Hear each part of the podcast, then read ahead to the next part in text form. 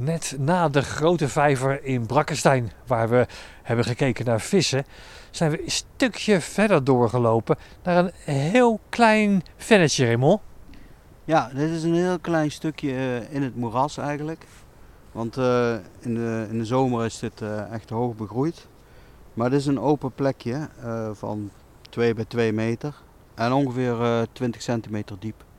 Dit warmt in in het vroege voorjaar warmt dit heel snel op.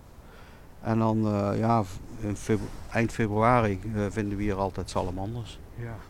Zitten die nou ook ergens in de buurt? Zitten die nou op het land? Of zitten ze toch in het water? Ja, een, een deel zit eh, wel eens in het water, maar het hangt een beetje van je vijver af, van de situatie. En ja, in dit poeltje zitten ze eigenlijk alleen maar, eh, eh, daar komen ze eigenlijk van overwinteringsplekken op het land. Dus ze komen hier pas in zitten als het een beetje opgewarmd is. Dus de meeste eh, reptielen eh, en salamanders en kikkers en padden, eh, die blijven uit het water als het koud wordt. Ja, amfibieën, hè? dus kikkers, padden, salamanders. En de meeste die, die blijven er inderdaad uit. Er zijn een paar soorten die het wat meer doen. Maar het is ook wel een risico. Hè? Wat ik zei, ze kunnen zuurstofgebrek krijgen, ze kunnen bevriezen. Dat zijn allemaal risico's. En sommigen die nemen dus dat risico, want als ze dan het eerste in het water zijn, kunnen ze ook het eerste paren. En het zijn dan ook heel vaak mannetjes die, eh, die snel naar dat water toe gaan. En die vrouwtjes die komen meestal wat later. Die zijn wat voorzichtiger. Hebben amfibieën het nou moeilijker dan vissen als het water afkoelt? Of, of ho- hoe zit dat?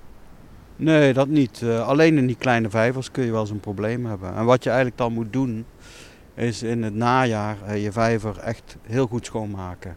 Dus alle modder, alle slip eruit. En als je dat doet, dan is de kans dat ze onder het ijs bevriezen of eh, zuurstofgebrek krijgen, is heel klein. Want dat zuurstofgebrek in de kleine vijver, dat komt omdat bladeren en takjes op de bodem eh, gaan liggen rotten.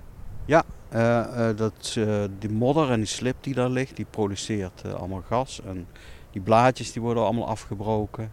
En dat produceert ook eh, afvalgassen. Met name eh, zwavel, eh, zwavelstof. En, en die zwavel die verdrinkt eigenlijk de zuurstof. En dan, ja, de meeste amfibieën hebben dan huidademhaling. Dus die ademen door een dunne huid. En ja, als dan het zuurstofgehalte laag is, dan, dan trekken ze het niet. Dat ga je niet redden. Nee. Nee. Maar goed, er zijn dus amfibieën die eh, in, het water eh, overwinteren. Ja, zeker. Ja, met name bruine kikker, kleine watersalamander. Maar er zijn ook andere soorten die dat eh, wel eens doen. Ja. Nemen ze dan speciale voorzorgsmaatregelen? Of hoe bereiden ze zich voor op zo'n periode in de kou?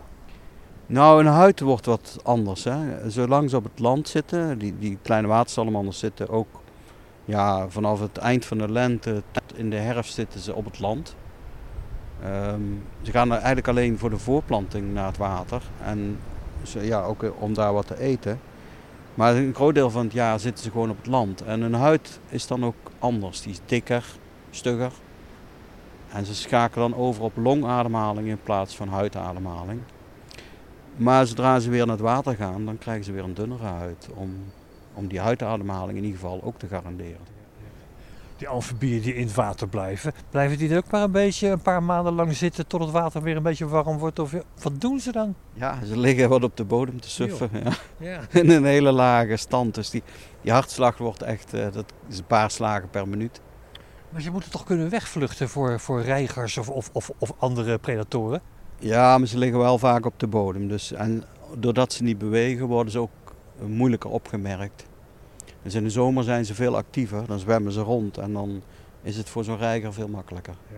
Dus stilzitten, je niet verroeren. Dat is het motto eigenlijk van Ja, die amfibieën. Verstoppertje spelen eigenlijk, hè? En dan maar hopen dat het heel snel weer lente wordt. Ja, ja, één ding is zeker, er komt altijd eh, een lente aan. En eh, mensen vragen ook al, ja, wanneer is nou de amfibietrek? Ja, eh, we weten nooit precies van tevoren wanneer die komt. Maar we weten wel dat die in het voorjaar komt. Laten we hopen dat hij een beetje eerder is dan anders.